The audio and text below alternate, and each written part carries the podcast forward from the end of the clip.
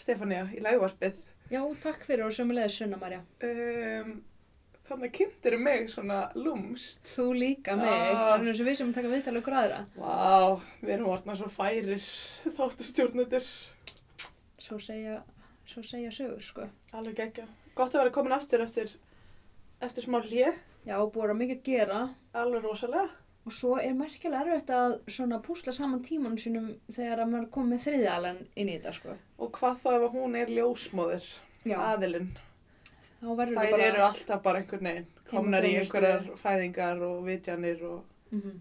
það er erfitt að díla við það sko. Já, við ætlum einmitt að fá eina, eina ljósmáður til liðs við okkur en hún þurfti snarlega að mæti heimafæðingu í Sandgerði. Já, Mm. ég held að við eigum hana inni bara. Það er mjög spennandi. Er það ekki? En hérna, við erum þó komnar aftur. Já, Hvað, hérna, hvað ætlum við að tala um í dag? um, við ætlum að tala um áhrif kynferðis ofbeldis á barnegnaferlið. Það er svona kannski fókusinn. Langt og, og, og stránt einhvern veginn, svona, þetta er, svona, þetta er þungt. Þetta er alltaf þungt umræfni. En við ætlum bara að, hérna, aðeins að svona fjallum þetta. Frá einsum hliðum, koma með góð, góð ráð fyrir bæði konur og ljósmæður Mhm. og svona, er það Mhm. ekki? Algjörlega. Þetta er svona sorglega í raun og veru svona hátíðinni.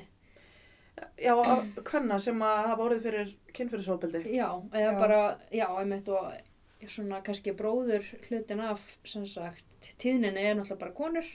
Já, af, af þólendunum. Já. Já, það er vist svo les. Mhm. Og það er nú, maður hefur heyrt ólíkum tíðnitölum slengt fram, en það er alveg oft talað um ein af hverjum fimm til allt upp í bara ein af hverjum þremur í rauninni. Já, var hérna, sem sagt, þarna áfallasaga kvenna, hún var kynnt fyrir okkur um daginn, mannstu, á, á einhverju svona ráðstefnu og þar kom svo tíðinni fram, eina hverjum þremu til fimm. Einmitt, sem er náttúrulega bara óbúslega sláðandi. Mm Þetta er á Íslandi, sko. Já, þetta er Íslandi, já.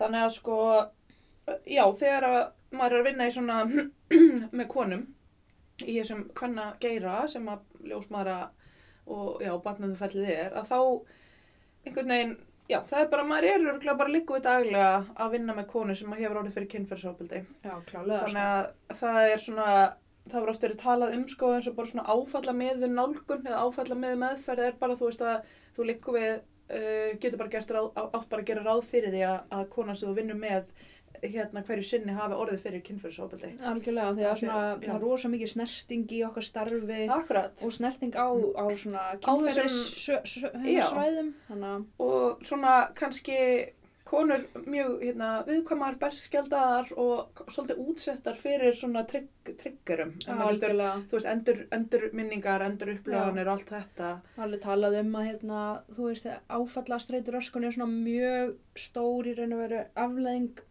kynferðisofbeldis Akkurat. og til dæmis konu sem hefur verið nöðgað þá var alveg tíðnin var hvað, 26-53% hvenna með áfallastreitur öskun Já, nákvæmlega. Og, og það er þá, sko, já, það, það er einhvern veginn bara hvort sem það kallast áfallastreitur, hvort sem það er áfallastreitur öskun, kvíði eða þunglindi. Það er bara, það er algjörlega búið að sína fram á það að það að verða fyrir kynferðslega ofbeldi bara getur haft mjög og hefur bara mjög mikil áhrif á bara heilsu viðkomandi og líðan, já, bæði líkamlega og andlega. Já, algjörlega. Og það er svona eh, margir einhvern veginn eh, sem að burðast með þessar afleggingar mjög lengi og sumir vilja meina að þrátt fyrir að, þrátt fyrir að þú vinnir þig, sækir þér hjálpar eftir áfallið og vinnir þig út úr því að maður getur orðað sem svo, þú veist, farið til hjálfræðings og allt þetta, að þá sértu kannski aldrei fullkomlega, þú veist, læknaður undan þessu áfalli eða búin að Mm. losa þig við það því að svo getur alltaf setna á lífsleginni tekist á við eitthvað sem að svona endur vekur áfallið. algjörlega og náttúrulega, þú veist, það er náttúrulega bara ákveðnar taugabrautir sem eru búnar að myndast við bara alla atbyrði í lífinu Það er búið að skilir það einhvers konar já, snertingu eða framkomu eða eitthvað við einhverjar Mhm. rosalega tilfinningar. algjörlega Og svona getur, mikið áfall getur í raun og veru bara búið til nýja leið og, og það er einmitt það, svo leiðir er alltaf svolítið viðkvæm fyrir því að, að svona mm vakna upp aftur akkurat, við ýmsa aðra atbyrði akkurat, og það hefur oft verið að tala um að konur sem lendi í kynferðisofbeldist uh, sem sagt það er lendi í, í þessari endur upp lifun aftur í batningnaferlinu akkurat, af því þetta er svo í raun og veru nátengt. Þetta er það. Og svo er það líka sko, að við tölum um bæði andlega og líkamlega þætti að óháð barnanduferlinum að þá, þá eru bara konur með svona áfalla sögu, ofbeldi sögu, þær eru líka líklegri til að vera bara uh, sko kljást við alls konar svona kvilla, þú veist, mm. lang hérna, eða svona þráláta einhverja, verki já, höfuverkur, meldinga, trublanir, Mhm. þú veist, hitt og þetta Mhm. og hérna Það líka áhrif á grindabossvæðið. Já, algjörlega. Það er með hérna, var með bara að kynna verkefni í dag Mhm. í raun og veru áhrif um, kynferðisofbeldis á grindabotnin og það Mhm. var rosa margt sem hafði áhrif á kynheilbriði einstaklingsins, Akkurat. konunar sérstaklega varðandi þess eins og til dæmis um, bara kyn, kynferðislega löngun, Já, hræðsla við kynferðislega löngun, skortur á löngun, hræðsla við bara kynlíf yfir höfuð, svona vaginismi, þar sem að það er ofspendur grindabotn. leggangaherpingur og, og svona, já, og algjörlega líka eins og mynda bara vökva í. Einmitt. Það var, hérna, það var mikill erfiðleiki með það oft og svo líka tröflanir sem að tengdu skrindabotninum en, en maður kannski þekkir ekki alveg er að þú veist, enginni frá hérna, neðri þvægrásum, frá Mhm. bara í raun og veru meldingafærunum eins og, Það ekki það vandamál og, já, og svona. hérna krampi, hvað kallast það, ristilkrampi? Ristilkrampi og ég Já. held að sé líka bara svona svo hæðatræða og verkir, þú veist, í endaþarmi og bara Já. á þessu svæði og svona. og mjög margt sem að í raun og veru hafði Mhm. áhrif á grindabotnin og þar með bara getuna til að bara njóta kynlífs sko. Þannig að sko, ef þú ert að glíma við akkurat þennan veruleika, þá er, lí, á, þá er líka líklega að þú hafir upplifað sásökafullar samfarir, sko, Já. jafnvel bara að þú sé með þínum eigin maka og og eigir Engu erfitt með beitt, sko, sko. fullnæðingar akkurat. það var mjög margtækt svona samfylgni þar á milli Og það getur verið hérna skortur á, á bara einmitt svona vökva í legungunum, þú veist, við kynferðslega örfun og allt þetta, þannig að þú veist, það líka mynd, getur myndað sásuka og rifur og alls konar, þú veist, þetta er svona mm -hmm. einhvern veginn, þannig að, já, það er kannski, þú veist, svona aðeins líklegri til þess að, að vera glíma við þetta að sko. sapna upp einhverjum Já. erfiðum upplöfunum, tengdu bara þessu svæði. algjörlega hérna, það er eiginlega magna hvað svona líka mann gleymir ekki Mm -hmm. Og í raun og veru eins og með þarna ég var að segja á þannig áfallastreituröskun þú veist þessu hátíðnum með hvernig sem eru með, með þessa sögu um, og það er talið vera að þessi grindabots einkenni Mhm. sé í raun og veru byrtingamind áfallastreituröskunar Já, ég skilði. mm -hmm. Þannig að það kannski eru aðrir sem að hafa áfallastreitu út af einhverju öðru en akkurat kynferðsóbildi sem geta líka tengt við þetta, já, já, ég með. algjörlega Það er einmitt talað um það sko að því að núna er það bara í leiðbyringum að hérna, ljósmaður í meðgöngu eftir þetta eigi að, skima fyrir ofbeldi og það er oft talað um sko ofbeldi og áföllum í rauninni af því að það eru alls konar önnur áföll sem að geta framkalla eða allt þetta sem við erum að nefna sko. mm Já, og mjög náttengt, bara alls konar Já. ofbeldi í raun og veru. Já, hvers slags Já, eitthvað, mm eitthvað svona og svona óreitlæti hjá og kúun áföll. áfallastreitur öskunin var, þú veist, í raun og veru kynferðisofbeldis Akkurat. hérna, hér, uh, sem sagt sögum. Mm Þannig að, En sko, já, að, að það er allavega, við vitum það einhvern veginn núna að, að þessar konur, þær eru viðkomur hópur í barninaferlinu og þær þurfa bara svolítið sérhæft eftirlit í sjálfu sér. já, Þannig að þú veist, í fyrsta lagi þurfum við að reyna að komast að því hverjar þær eru. Já. Þannig að þú veist, við eigum að spyrja um ofbeldi. mm ljósmaður eiga að einmitt skima fyrir þessu. Og það á að vera þegar að maki er ekki með, þú veist, Mhm. þegar kona er einsumul. Og hérna, það er nú bara af því að uh, því meður er það stundið þannig að makin, það er makin sem að er að beita ofbeldinu. Já, og, þá, bara í flestum tilfellum er það þannig, sko. Já. Það er einhver í nánu sambandum við Mhm. einstaklingi sem veldur þessu ofbeldi, sko.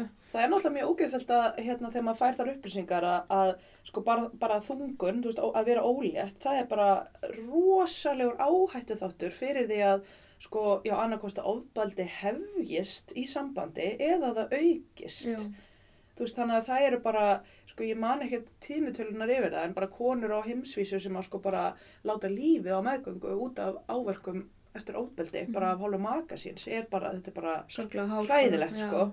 Og einmitt og alls konar, þú veist, eru að hérna, að- það er eitthvað við það að konan er þá eitthvað svona ekstra viðkvæm og svo er hérna annar líf innra með henni og það er uh, oft eitthvað svona áverkar og eitthvað tengdir, jafnvel kúlunni og að- eitthvað svona Þetta er hérna, það er oft verið að tala um að raun og veru út af því að konan er að fá svo mikið aðtegli akkurat, út af, þú veist, hún gengur með batn og svona, að Akkurat. þá höndli makin það er bara ekki. einhver byrtingabend afbreyðsemi mhm. og svo líka þegar að barnið náttúrulega fætt að þá er komin að einhver svona rosaleg ást, þú veist, millir móður og bass tengsl. og að þú veist, er að upplifa að konan sé bara einmitt ástfangnari af barninu og bara upptekinn af barninu og það sé í fyrsta sæti og svona Já, já. þannig að þá líka, þú veist, er einhver þarna ný svona hætta Mm Algjörlega. fyrir ofbeldi þannig að það, og það hangir inn á öllum baðherbergjum á heilsugjastustöðum og svona alls konar með að ef að í þeim tilfellum að þú veist það er kannski einhver svona svolítið eh, yfir þyrmandi og stjórnandi maki sem að bara neytar því að, að einmitt að hérna, vera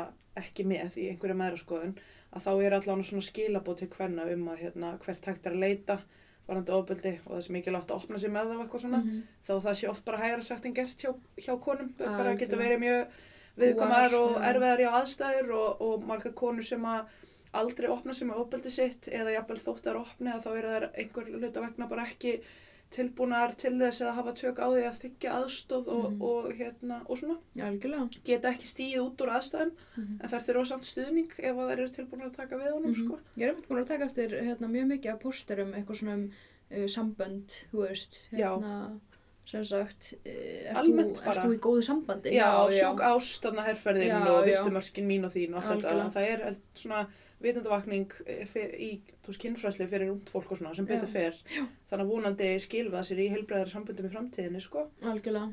Ef ekki að vona það. Mm Jú, jú, klálega, sko. Ég held að gera nú þegar, sko. Já, það er gott. En, en sko, ok, af hverju er mikilvægt að opna sig með þetta? Já, bara til dæmis í meðgöngu? meðgönguvendinni. Já, Um, það er nefnilega þannig að veist, það kemur oft mörgum konum á óvart þó að sé búin að vinna úr því og alls konar og, og svona ha, margar held ég halda þessu algjörlega komnar yfir þú veist, í raun og þessa reynslu sína. Um, og sem tilfellum gæti að vera þannig en, en í mörgum tilfellum gæti það komið rosalega flatt upp á manni Mm á sem sagt, þessum tíma lífstíns þegar þú ert að ganga með barn, þú ert að fara að fæða barn og þú ert Mhm. að fara að umhennast barn Akkurat, uh, og þetta bæði við konur sem eru með kynferðisofbeldi svo í æsku og svo setna meir sko. akkurat, akkurat. þannig að bæði er náttúrulega þú veist þessi þrýstingu niður Mhm. þú veist það er mikil snertingi gangi þú veist heilbristarsmann ofta snerta mann til dæmis í fæðingu þú veist Gerist ekki mikið berskjaldari og svona viðkvamar einhvern veginn en til dæmis þegar þú ert í fæðingu. Algjörlega.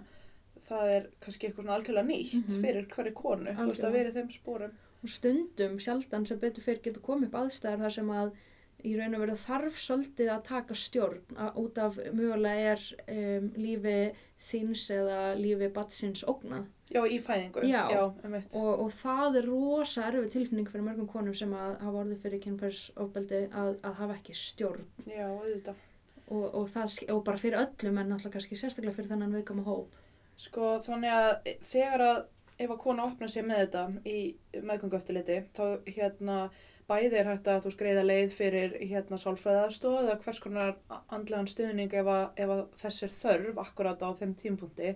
En svo bara líka mikilvægt að sko, þú veist, hérna, já, eiga samtal líka bara um þetta og um svona hvað er algengt að konur akkurat tengi við og kannski komi aftan að þeim í fæðingu og eftirfæðingu og svona. En svo er þetta líka skráð í rafrænu maðuraskrána og á að bara á svona þessar upplýsingar eiga að fylgja í gegnum öll, þú veist, á, á hvert einasta þjónustu stig. Þannig að Algjörlega. svo ljósmóður sem opnar maðuraskrána í fæðingunni, hún á að sjá strax, ok, þessi kona hefur opnað sér með kynferðsofbeldi og að þá getur hún kannski verið ekstra meðvituð um ákveðna nærgætni og ákveðna Mhm. hluti, þú veist, Mhm. eh, til þess að ebla konuna bara í því að, að hérna, upplefa sér við stjórn og að upplefa fæðinguna vel, sko. Og eftirfæðingu líka og allt þetta, Já, þú veist. það er nefnilega ymsir áhættu þættir eins og ég held að ég sé fara rétt með þetta, ég er ekki alveg samt með það hreint en mér minnir allavega að vera að tala um að til dæmis konur sem hafa lendi í í auknar hætt á að uh, brjóstakjöf gangi ekki, Akkurat, þú veist, fara ekki á stað eða þá, þú veist, endist ekki langan tíma. Um, og það er svona ta- talið ekki til þess að, þú veist, þessi þú veist, það er náttúrulega, þegar bara sígur gerfurstuna er í raun og nátengt kynferðsleira aðtöfn, Akkurat. þú veist, og Sérstaklega ef að ofbeldið beindist á einhvern hátt bara að brjóstunum, þú veist, á konunni einmitt, á sínum tíma, sko. algjörlega, og það að einhver kannski mannska sé svona háð þér Akkurat, þú sé krefja svona líkamlega mikið frá þér akkurat. svona getur maður ímynda sér Rosalega mikil nánd sem að þú veist, þú getur upplegað þvingaða bara þegar að ef þú ert ekki alveg. Mhm, Algjörlega og sér líka, það er kannski ekkert margir sem veit þetta en í brjóstakjöf geta marga konur upplega kynferðslega örfun. Mm -hmm, Það er bara þannig og það virðist enginn vilja tala um þetta Mm mm. af því þetta er kannski vandræðilegt, maður skilur það þannig að Já, um, og þá geta komið á stað, húst, finnst mann líklegt að, að það koma á stað einhver svona brenglar hugsanir Já, og konur sem hafa orðið fyrir kynferðisofbeldi glíma oft við brenglar hugsanir Mhm. og kalla líka náttúrulega Mhm. en af því að fókusin er á konur þá bara ætla að halda okkur við Já, já, svona konur akkurat. um, þannig að það er einn áhrif á þáttur og er ekkert margir sem að við, þú veist þetta er kannski þáttur sem að margar konur þurftu bara að vita Það er auðvitað ágætt að vita, ok, þetta er eitthvað sem að þú gæti kannski átt von á, að Mhm. upplifa einhver svona tilfinningar eða hugsanir. mm -hmm. Þá er maður kannski búin að taka hitan af því að ef að konan svo upplifir þetta, þá fer hún ekki strax sem eitt í að brjóta sér niður, ok, ég er auðvitað bara eitthvað einmitt, ótrúlega brengluð og ég, þetta er bara algjört einstæmi að mér líði svona og eitthvað Já. þannig, þú veist að hún þá geti kannski betur tekist á við þetta Já. eða líka bara fengi fræðslu um að e, það, er, það er alveg bara kostur að gefa ekki brjóst ef að þú treystir þér ekki að halda þig áfram og bara allt Mhm, þetta, þú veist, allt algjörlega. þetta með stuðningin og, og hvað hægt er að gera Mhm. og, og allt það, bara þannig að það verði ekki einhvern veginn áfall líka, Mhm. þú veist, að lendi því. algjörlega Svo er það líka með fæðinguna að hérna að þá er það oft svona, getur það bæði verið einhver svona kvartningarorð og eitthvað sem er sagt, þú veist, þetta er alveg að vera búið og eitthvað svona sem getur verið svona ákveðin trigger fyrir konur og líka kannski ákveðnar einhverja stellingar og stöður og svona Já. og að vera,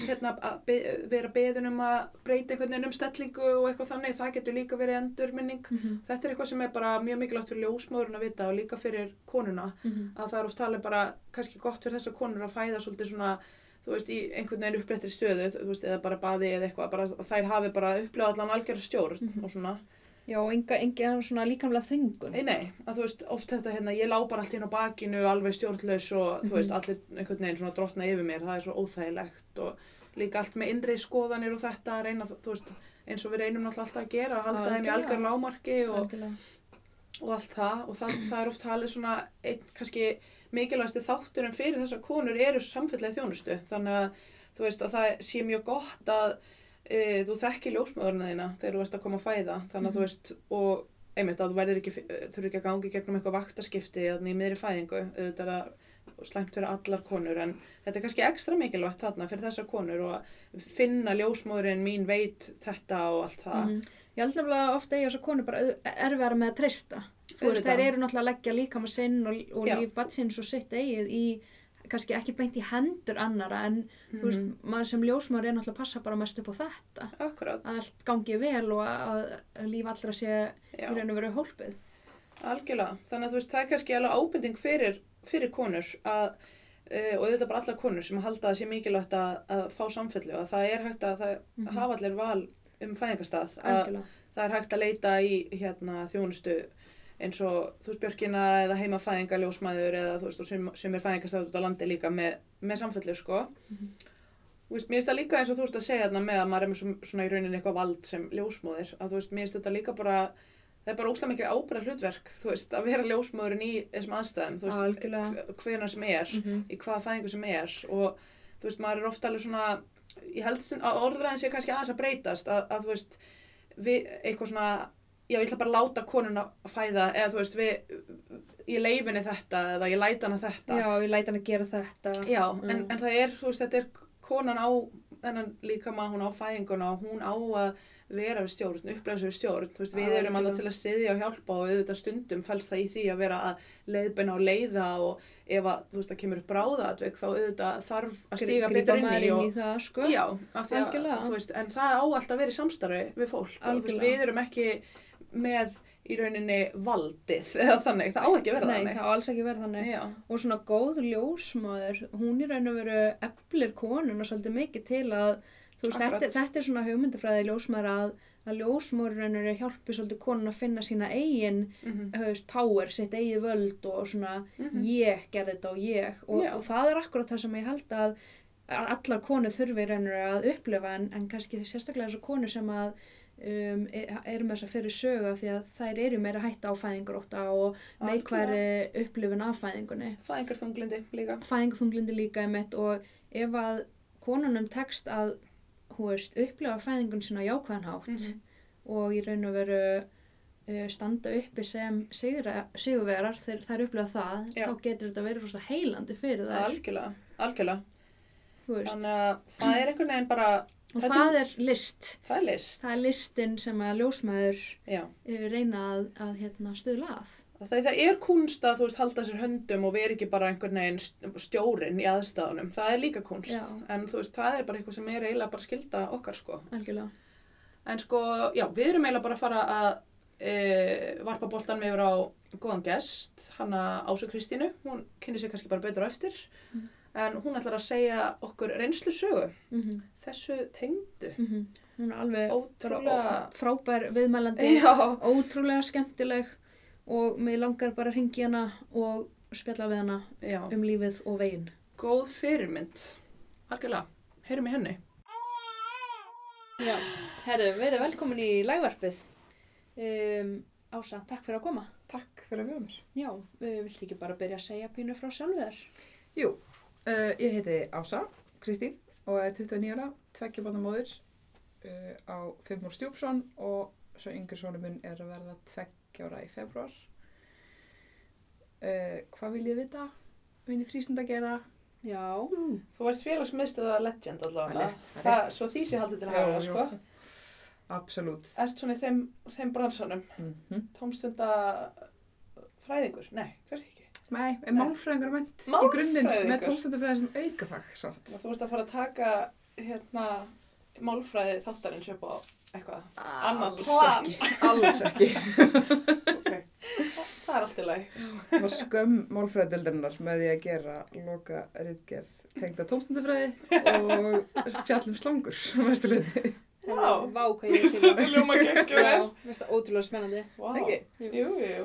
Það svona. ekki allir jafn ánæði með mig, samt. Hér eru allan á tveir aðdáendur. Já, gott að heyra. Já. En við allavega, þú ert með druslutattu á hendinni og hérna, við höfum svona orði, orði, orðið var við þig gegnum uh, druslubyltinguna og svona Mhm. og hérna bara okkur langar svona aðeins að heyra einhvern veginn frá bara þinni sögu, hvernig þú komst þar inn og svona hvernig, já, þín reynsla hafði áhrif á þig þegar þú gekkst í gegnum það að verða móðir og svona. Fyrir hvað, einu og hálfu ári? Tveimur? Já, Já. tæpið tveimur. Hvað, Akkurat. 22 mánu? Já, það er alltaf mjög fagmælegt að tala svona í mánuðum. sko. Já, ég, ég hætti að tæja, já. En núna stýttist ég að séu tveir mánuðir í hann verði tveggja. Þá ertu bara tveggja. fann að telja í árum, sko. En ekki? Já. hann er að vera tveggja. Já. En hérna, jú, eh, er hlut á druslugöngunni líka. Og kem þar inn í kjölfar uh, bara félagsmjösta sérstaklega kannski, þar sem ég er að vinna mikið með úlingurum uh, í svona druslu tengdum viðbörðum og geri það því þetta er alltaf bara málstæði sem brann svolítið nálagt mínu hjarta í kjölfar þess að ég varð fyrir kynfyrsofbild sjálf 2013 og hérna já og gera ekkert í því í rauninni á Mhm. þeim tíma sitt Já. bara með það í mínum póka og læt það þingast og þingast og þingast í heilt ár þangað til ég loksins uh, leita mér hjálpar Mhm. og það í rauninni gerist kannski svolítið í kjölfæra því svo við peppum tómstundafræðina smá Mhm. að í tómstundafræðinni þar sem ég, sem ég tók sem aukafag þá er okkur kent að vinna rosalega mikið, mikið með okkur sjálf sem verkfæri og þetta er bara svona endalus einmitt nafla skoðun og maður þarf svolítið að rýna inn í sjálf sig. Og í kjölfræð því var ég eitthvað, já já, þú veist þetta, þetta gengur ekki. Og fer þá og leita mér hjálpar á stíðamótum og fer þaðan uh, og hitti lögfræk og ákveða að kæra þessu nögun vitandi það samt að það væri kannski ekki mjög uh, bjartar vonir eða svona með við trakkrekordið hjá lagakerfinu, getur við sagt það? Já, bara rétt- Réttarkerfinu. Já. Já. Uh, en gera það samt að því að lögfræðingurinn eða réttargeslumadurinn sem ég leitaði til mælti með því bæði til þess að ég geti fengið eitthvað, eitthvað closure á mín mál Mhm. og hérna, þá öðlaðist ég réttind í kjölfarið uh, til þess að leita mér hjálpar og fá sálfræðastöð Mhm. endurgjaldslaust Mhm. og var það hluti að, af neyð, neyðamótöku teiminu held ég, en ég manna ekki alveg. Jú, ég held að segja, þetta er partur á Já. bráðamáttökunni, það er svona Jú. sér teimi þar sem að Já. tekur við boltanum af svona, Mhm. Og það þá greiðir svona leiðina að öllum stuðningu og hjálp, sem sagt, fjárháslega og þannig að, Mhm. að kæra, fara í það. Já, allavega í mínum tilfelli. Veit ekki alveg hvort það sé, Nei, svona, þegar, ég veit ekki hvort maður eigi að vera ráðleg, eða þú veist, Nei, nei, nei, ég þekki ekki alveg nóg vel. Það var allavega á þessum, á, þarna. Já, akkurat, þarna. já. Í kerfið í mínu raun og veru tilfelli. greip þig pínu þarna. Já. Alveg 100%. Og er þar í sálfræðvinni í hátt í allavega heilt ár, þar sem ég fer bara í í mikla vinnu, hugurna átveldismeðferð og vinn mig einhvern veginn gjörsanlega frá þessu máli og sálfræðingun fylgdi mér alveg þangað til að máli mitt að fell niður. Og þá fekk ég bara auka tíma og bara hvernig liðum við þetta, hvað stöndu við og niðurstaðan þar var bara allt er frábært, eða þú veist. Ok. Allt- Eins- eins og getur já, orðið. Eins, eins frábært það getur orðið og ég var bara einn sterkari einstaklingur fyrir vikið og með bara reynslu bakinu sem var ekkit endilega frábær en við vorum búin að gera það besta úr því. Einmitt, svona sigraðist á þessu. Já, og bara svona alveg emitt búin að, ég ætla ekki að segja að loka á þetta, en svona emitt búin að klára þetta svolítið Mhm. og gæti bara haldið áfram mínu lífi, vissulega. Uh, svo árið 2017 verði ég ólétt, frekar óvænt, uh, mjög velkomið samt, það má ekki glemast. Það hefur verið svona íslenska, íslenska leiðin, kannski. Já, heldur betur, sex mánuðir í sambandi, tvær vikur í sambúð, Þa, það er klassíst. Let's go. heldur betur. Mm. Nei, og ég veit ekki hvort ég að fara inn á þetta með, ef að maður er minni svona slísabandakongur. Já. Hann En- sér hefur sig í því. heldur betur mjög góður í en það uh, hvert var ég að fara já, verða þannig ólétt 2017 og er þá komin inn í drusluganguna einmitt í kjölfæri svolítið af þú veist að maður tekur þessa reynslu með sér Mhm. og vill gera betur og hjálpa öðrum að díla við sína reynslu Akkurat. uh, þá hérna enda ég þar í kjölfæri að hafa unni með svona úlingum í samstagsverkefni með drusluganguna og kem þar inn í kjarnan og er í skipulagsteiminu. Uh, það er vinkunum mín sem er líka ólétt og reyndar var svo önnur vinkuna líka og tvær búin að nefna þetta um mig að að láta vita í maðuravendinni að ég hafi orðið fyrir kynfyrsofbildi sem að ég var ekkert búin að spá í, bara ekki neitt og hérna Þú varst ekkert, það var ekkert búið að spyrja neitt í mæraskoðun. Nei, ég var aldrei spurð einmitt en hérna og við furðum okkur á því eftir á ég og þessi ólétta vinkona mín kannski sérstaklega því hún var ekki spurð heldur og nefndi þetta fyrirbræði sjálf líka og myndi mig á að, nefni þetta sem ég og geri í hálfkæringi einhvern veginn og er eitthvað svona, heyrði já, ah, mér er og nöðgað og að því þetta er ekki einhvern veginn vandabóli mínum um þarna það var ekki einhver reynsla sem ég átti erfitt með lengur.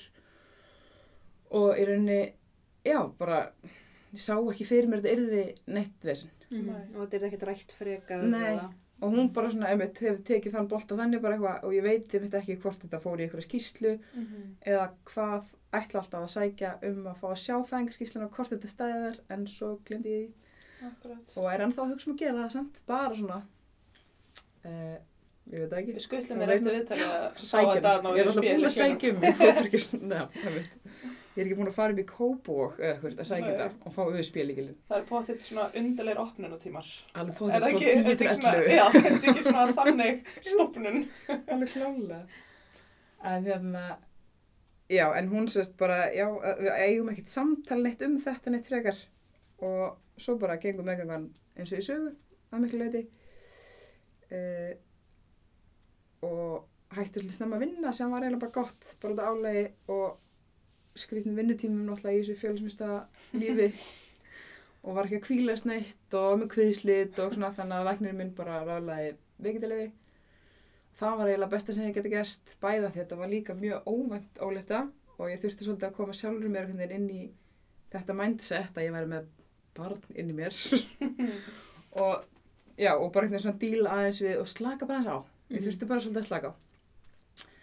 Og hérna ég veit ekki, kannski slakaði mig mikið á það ekki þannig að maður er rosa rólegur þegar maður er ólítið þá verður barnið rosalega hægt svona mér er alltaf mjög virkur Já, Eða, það, ég, það var eftir að koma ljós. Já, það er sko. er ekki Frá mörgum svona reynslusögum að um leiðu konar slakað á þá gæti hún fundið fyrir rosa mikið að reyningu. Mhm, algjörlega Og va- þannig að þú varst alveg vel stemt fyrir fæðingunni, varst ekki alveg stressaðið. Já, nei, hún var mjög róleg en svo einmitt átti mjög marga vinkonur sem voru óleittar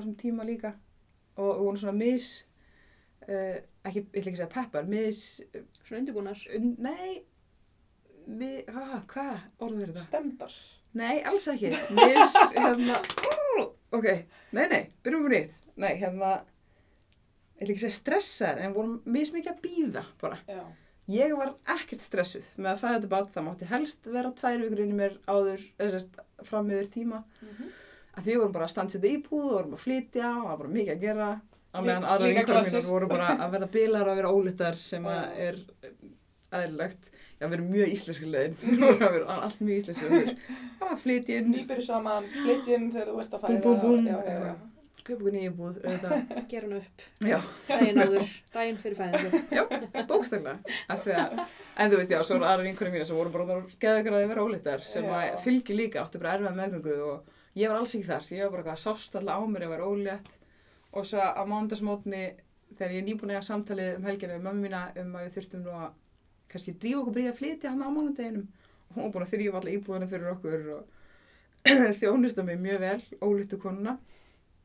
Og hérna kom náttúrulega ekki nálega neinum framkvæmdum í þessari íbúð af því ég var rosalega ólétt. Slapp mjög vel. Uh, rættaði við hann um helgina að við ættum kannski að drífa í bara að flytja mánuði en hún var mjög föst að því að við getum ekki flytt um mánuði vegna þess að mánudag til mæðu maður flyttur aldrei á mánudum af því þá á maður, ég veit ekki, ó, hann ekki samt líf.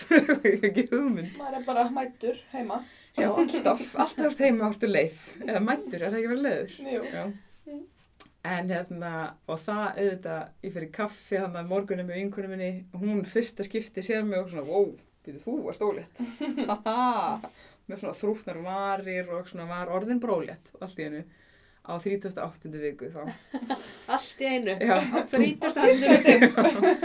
en uh, kannski ummitt vegna þess að ég, ég veit ekki hvort það var að byrja samdrættir þá, ég var bara alltaf fundið fyrir þeim eða hvað, en ég missi sérst vatni um nóttina og þá, þetta símtal sem ég átti til mömmu minnur á morgunin þegar á leiðinni í skoðun upp á deild, þegar ég var eitthvað hæ mamma, ég er búin að missa vatnið, hvers er þið ekki átt flýt í gær? En þá er allar, allt sett í gang og, og allir vinir og fjölskylda hjálpa okkur að flytja inn. Og ég sitt bara á okkur mjókabólta og er eitthvað svo að fötum í póka eða eitthvað einu sem ég gæti gert. Og, hérna, og alltaf verið að segja mér slaka á, slaka á. En ég vissi að vatnið og gerist svo að fyrir dettur allt bara fellur allt í dúnalagn og fæð þær upplýsingar í hérna, skoðuninni að koma bara, auðvist, koma bara um kvöldið af því að það er hérna 24 tíma reglan þegar kannski vitum meira um það en ég eftir maður að missa vatnið du, du, du, þá Já, þá byrja maður að svona, fer, fer maður í framköllum Að fæðingar. örva fæðingar. Já. Já. Ef ekkert, ef það er ekki komnir hríðaverkir. Mhm. Já. Mm. En er það ekki líka eitthvað svona ef það er, ef þú ert búin að missa vatnið og ef það líður meir en 24 tímar þá og þú ert ekki farin að stað Já. þá getur það verið mjög vond fyrir barn. Það er svona aukin hætt á sýkingum og svona, en svo er Mhm. þetta mjög umdelt. Svíþjóð er þetta til dæmis tveir sólarhingar sem kona með að býða, sko. Ok, En Þetta er svona, já. Þetta er eitt af- Þetta er eitt af Já, já. hitamálum, sko. Já, já, já. við tökum þetta fyrir. Já, Ah. við fáum við aftur hérna í gangsendingaþáttin. Já. Nei. Hlakka til að hlusta því ég veit ekkert um hann. Nei, hérna, uh, já það segist þetta bara við mig kotið hérna eftir í kvöld ef það vart ekki með neina samtrætti og finnur ekki til og við bara flytjum og fáum okkur fyrstu máltíðan okkar í, í nýja húsin okkar. Balleis, en það var fínt að við eigum þessa minningu því að vorum bara tvö hana í smástund af því að stjúpsónum minn var sérst hjá mömmu sinni að hann var hjá okkur þessa viku en, en hún var bara með á, á nótunum og tók visslega bara við honum. Að við vorum náttúrulega öll svo sem viðbúin því að þetta geti gerst hvern sem er. En hérna þannig við vorum að það tvö fengum okkur kjúkling og svo kom bróðið mér undir ykkur óvænta heimsókn, ég veit ekki hvað það var. Eitthvað, hann býr upp í sveit sko, og var eitthvað, æ, bara gangið vel. Og svo bara var klukkan tíu og við drifum okkur upp á fækadild og það var mjög fyndin þessi heili dagur sem var rauninu undirbúningur. Eða þú veist, samt ekki undirbúningur, það var meira bara svona Þú ert að fara að fæða. þetta er bara að gerast. Á morgun eigum við bann en hérna fæð þar fer, er það sett í gang vegna þess að ekkert er búið að gerast og á þar mjög erfiða nótt eða þú veist, ekkert mjög erfiða, erfiða en hún var bara ekstra erfiða því að kæristu mér svaf bara rúminu hljóna mér og ég var svo reið. Ég var svo, "Hú, hvað ég var pyrruð en þegar sérst samdrætni kom strax í gang og er með uh, sömu ljósmöðurna alveg frá uppáðalli enda uh, klukkan tíu morgunin eftir þá fer ég inn á fæðingastofu og alltaf svona í heitabotinn að slaka á og eiga næst tíma og það endist í svona því þá var bara allt komið húrandi gang og samt einhvern veginn svona já, þetta gerðist alltaf rosa hratt og ég manna það ekki sjálf en hún vil menna ég hafi verið í svona kortir að rembast og þá var barnið komið svo var alveg snild svo sem og ég manna ekkert eitthvað dramatískur en það, þetta var bara svona búm búm búm og svo komið barn sem er alltaf er ekki normið Ekki verið fyrsta barn, eða svona Nei. oft ekki tali verið það sko. Það nú getur alveg verið alltaf tveir tímar í remping hjá fyrsta barni, Mhm. er, er bara að tala eðlilegt sko. Mhm. Akkurat Ég verð líka að segja hvað þú hefur verið heppin að vera bara með fyrstu og sömu ljósmárna allan tíman. Mhm. Það er, Mhm. og við þessu Náður góðu sambandi við hana eða? sko við nefnilega ég hataði hana fyrsta svona klukkutíman alveg eða sko ég, ég, sko, ég hataði kannski mjög stert orð. En ég var alltaf bara Fór eitthvað í töðan á þér? fórbeitt höfum var bara svona hún var kvöss og hún var ákveðin og ég rætti alveg við kærastu minn hvort við ættum bara að byggja um nýja ljósmöður hvort það væri eitthvað svona en svo einhvern veginn klikkaði eitthvað hjá okkur og ég dýrkaði hana og ég fann ókslega mikið öryggi í henni og einhvern veginn bara treysti henni fullkomlega. Hún sagði mér bara nákvæmlega hvað ég átt að gera til þess að mér liði sem best og eins og þegar ég baði hann að spura hvort ég geti fengið eitthvað verkefli hún eitthvað, mm, nei, eða þú veist, nei, nei, þarftu þess.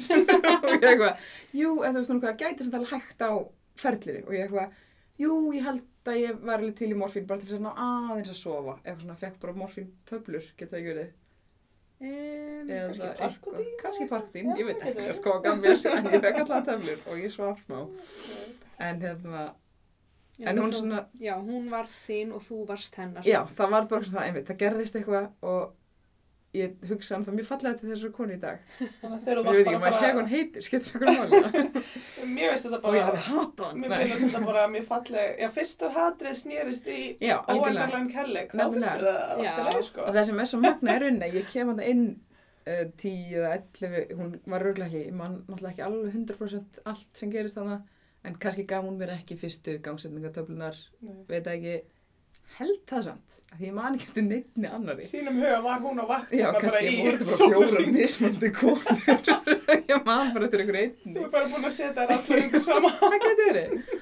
En nei, hún sérst fylgdi mér alveg í gegnum bara frá kvöldi til hátis sem er mitt, þegar við vorum að ræða þetta áðan þá er það óvinnlegt Ná, hún er auðvitað fórna sig bara til að klára þetta með þér. já, þess vegna mitt voru ég hugsa því ég veldi oft fyrir mér hvort það hafi ekkert verið skráð um mína fyrir sögu í fæðingaskísluna Mm. hvort að þetta hafi mögulega verið það sem var gert til þess að tryggja mitt öryggi og mína veljiðan í rauninni í þessu ferli en uh, veit það svo sem ekki ekki komið með Við getum fæðingaskísluna í hendur fabulerað um það.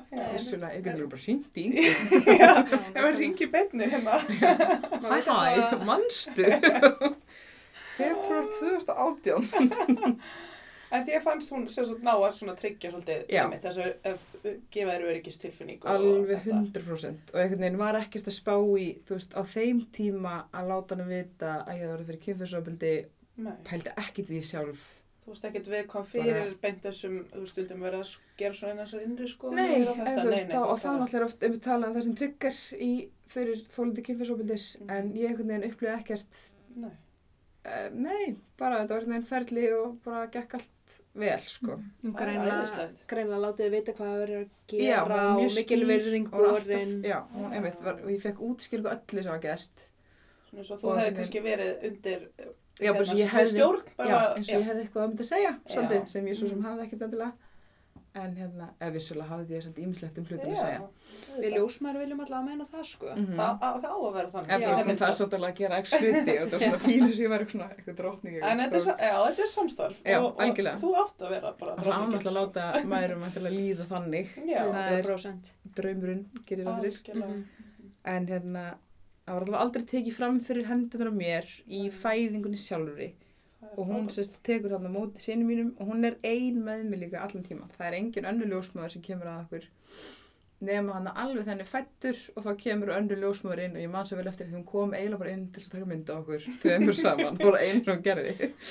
Og svo örgulega var hún eitthvað veitinni annað álit af því að svo kemur ljós að fylgja mér föst. Og ég man svo vel eftir því að hérna, það spennust í svona einhvern veginn hækkaði í herbygginu því að hún búin að vera bara þrjú saman í þessu. Ég, kæristu minn og Inga. Hún verður bara þrjú allan tíman einhvern veginn engin annan, ég var ekki bara að hitta neitt annan. Bara á þessari fæðingadild eða þú veist bara já, það kom ekki eins og mannskja með vasklas sem var önnur en hún, þetta var alveg svona sem er það var frábært. mjög gott sko, já, Já, mjög persónulegt. alveg rosalega. Og örgulega, einmitt, ekki sjálfsagt. Ég veit það ekki, Það á að vera sjálfsagt en já, En stundu getur maður óöppin hvað var að vaktaskipti Mhm. og ymslegt, sko. Að, geti verið en hún sérst tekur hann á móti barninu mínu þessi önnur ljósmóður kemur inn og tekur mynd á okkur og klippa nafnlöstaringin og hérna mjög hreyfðfæri myndir, hefði haldið að hún væri betri aðeingu Ó, Skrambin. en mjög Eigum við nafngreina hana líka, sko, ég veit ekki þetta er, ég hef ekki hugmynd en hérna hún hafi bætt sig, að. eða kannski var það bara símvinn það getur líka verið. En svona í fæðingaferlinu þá var Gísli kærasti minn að taka myndir líka þar sem hann heldur sko öðrum fætinu mínum uppi og er að taka myndir sko. Það er til frábæra myndir af mér á milli hríða með gladlofti og svona ykkur ruggli þessi sko Eru það ekki rammaður inn alveg upp á vekk bara? Nei, ég, þú veist, ég seti alveg internetið, sko, ég er mjög annað með þessu myndir, það eru geggjar. En hérna, það er mjög fynd og þú veist, hann tók alveg myndir af kollinum kom út og eitthvað sem er satt allt blörrað og það er mjög dýrmætt samt að eiga það. Vá. Já, magnað Og sko. hann er svona, með læri mitt í annar hendinni og hann að taka myndir. Alveg steikt, en hérna, hvað var ég að tala um? Ég má glemma því. Að hérna þið voruð þarna þrjú og Já, kemur þrjú, svo kemur myndatökumæðurinn. eh. Kannski var þetta nemi, ljósmaður nemi. Nei, hún var, eða þú veist, hún var mjög fullorinn alveg. Hún var alveg yngri en, en ynga mín, sko. Nei, yngri, eldri, menna ég. Ég veit ekki. Þess vegna hugsaði, að hún kann ekkert. Nei. Kann ekkert af svona iPhone. Hafði aldrei áður sér snjálfsíma, jafnvel. Ítti bara vittlega svo takka í tekst það. Við skulum ekki vera með aldrun að forða með hana. Nei. Nei, rétt. Það er rétt. Ég Mamma mín svo- tekur bestu Instagram-myndar af mér, það er fakt.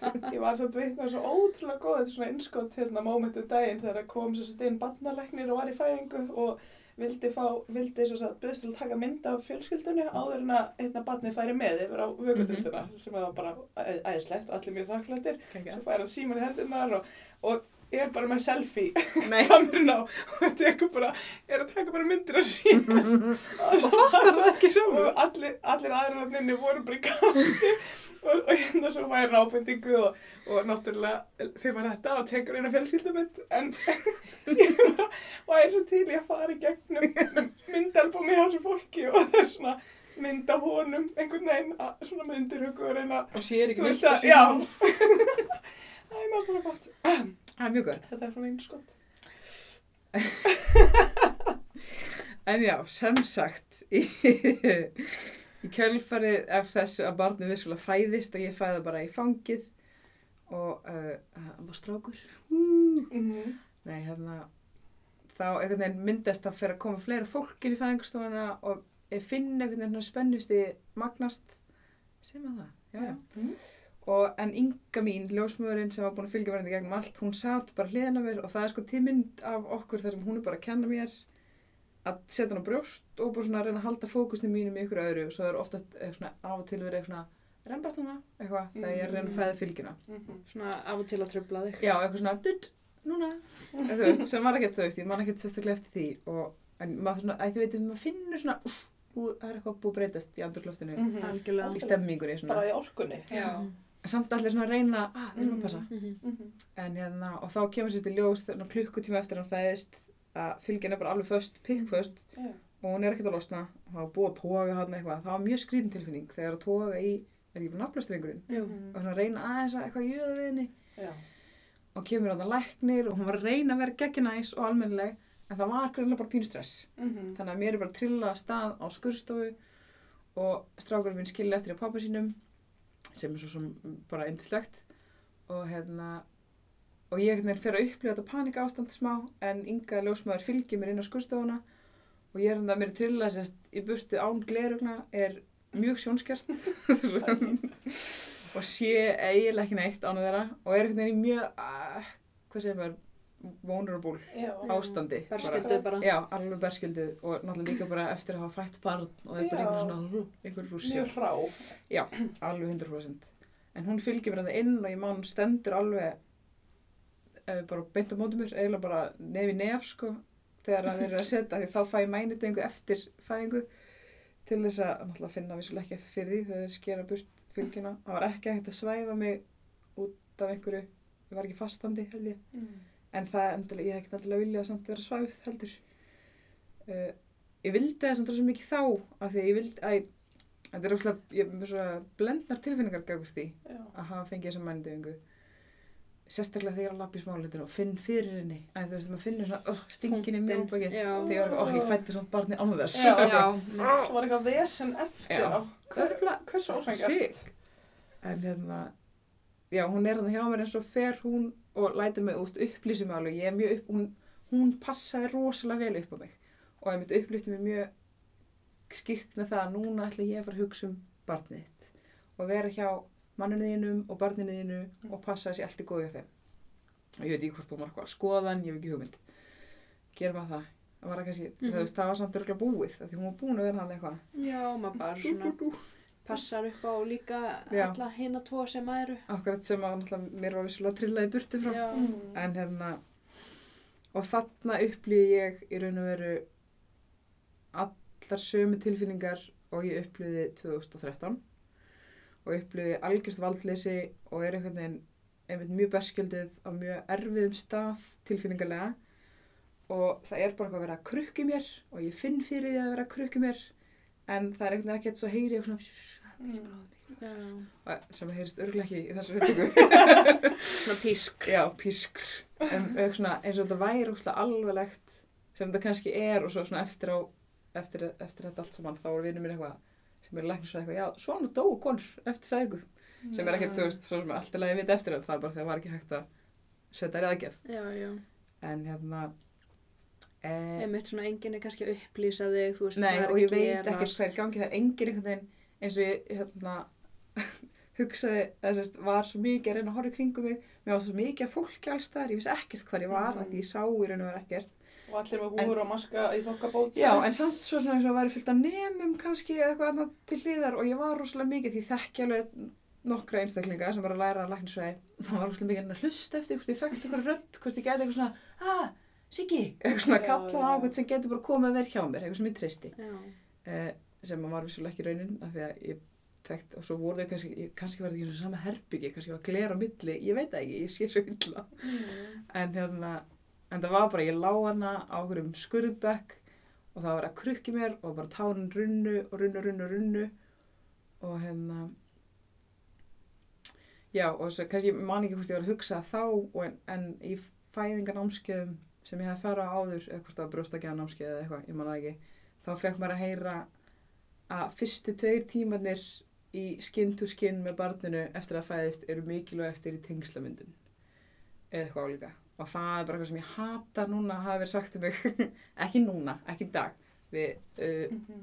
töpum ekkert á svona klukkutíma af þessum tveim tímum sem við mistum og hann vil helst svo vinni mér alltaf, ennþá. En hérna eða það er bara svona, þú veist, það var bara alls konar í gangi og maður er búin að eignast spann en svo allt í nær maður ekki með því og það er rosalega skringilar bara skringilegt ástand. Og þannig einhvern veginn teltist yfir mig allar þessar sömu tilfinningar í rauninu um valdlýsið og það er búið að svifta með öllu einhvern veginn og ég ræði ekki yfir neitt og það er bara hana, ég veit, vera að krukka og það er ógæslega skrítið að finna fyrir, en þú finnur ekki til en þú finnur svo fyrir að það er einhver inn í þér Og ert náttúrulega eiginlega örgli í stóðum og Já, þú veist fætur og glendir og hálfnækin eitthvað og Já. já, bara mjög berskjöldur. og var með þess að sko tekinu mitt úr öllum fötum þannig ég var sko fullkomlega nakin af því að það var alltaf bara Og ekki með neitt yfir þér, eða? jú, ég var örgulega með eitthvað yfir Mhm. En hérna, þetta var bara mjög óþægilega aðstæður og svo bara heldur lífið svolítið áfram og ég fæði fyrir inn og og, já, og ég man eftir því þegar það voru að trilla, eh, trilla mér, segir maður það, ég er alltaf bara Já, mér finnst það flott. ég var svona að trilla Já. rúminu en þegar ég var að trilla mig tilbaka því ég var búin að halda sko aftur á mér einhvern veginn, það var bara að leka tár ég var ekki búin að Mm. gráta, því veitum mér ekki svo bara leifa þér að. Já, Mhm. en svo ef verið að eitthvað mér aftur tilbaka inn í herbyggju og ég heyr hann gráta og þetta var það moment sko, öh, ég er að tára það núna. Við var bara svona- með þá dætti ég bara í ekka svo ég er ekki komin inn í herbyggið ah, wow, wow, það var svona fyrsta mömmu tilfengið, kannski svona Já, ég er bara að munda núna. Mhm. en hérna, það var alveg þú veist, og svo erum við bara hérna í, í sængur, nei, bara á spítalnum í Já. fáum að gista tvær nætur, eða förum heim á 50. kvöldan, það er það með því að því ég misti þarna tölvöld blóð og þurfti aðeins að vera í ykkur umsjón.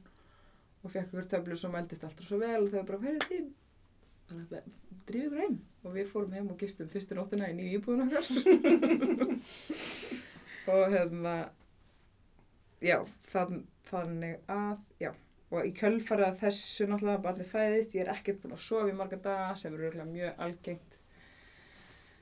Eh, og bara er náttúrulega bara einhverju ruggli þreytulega séð og bara svona ennþá að jafna mig og líka minn búin að ganga í gegnum bara einhverju heljarnar átök og ég er bara einhvern veginn fæst ekki í rúminu og er bara stari bara vegg, eða þið veitir og er bara veggur, eiginlega. Mhm.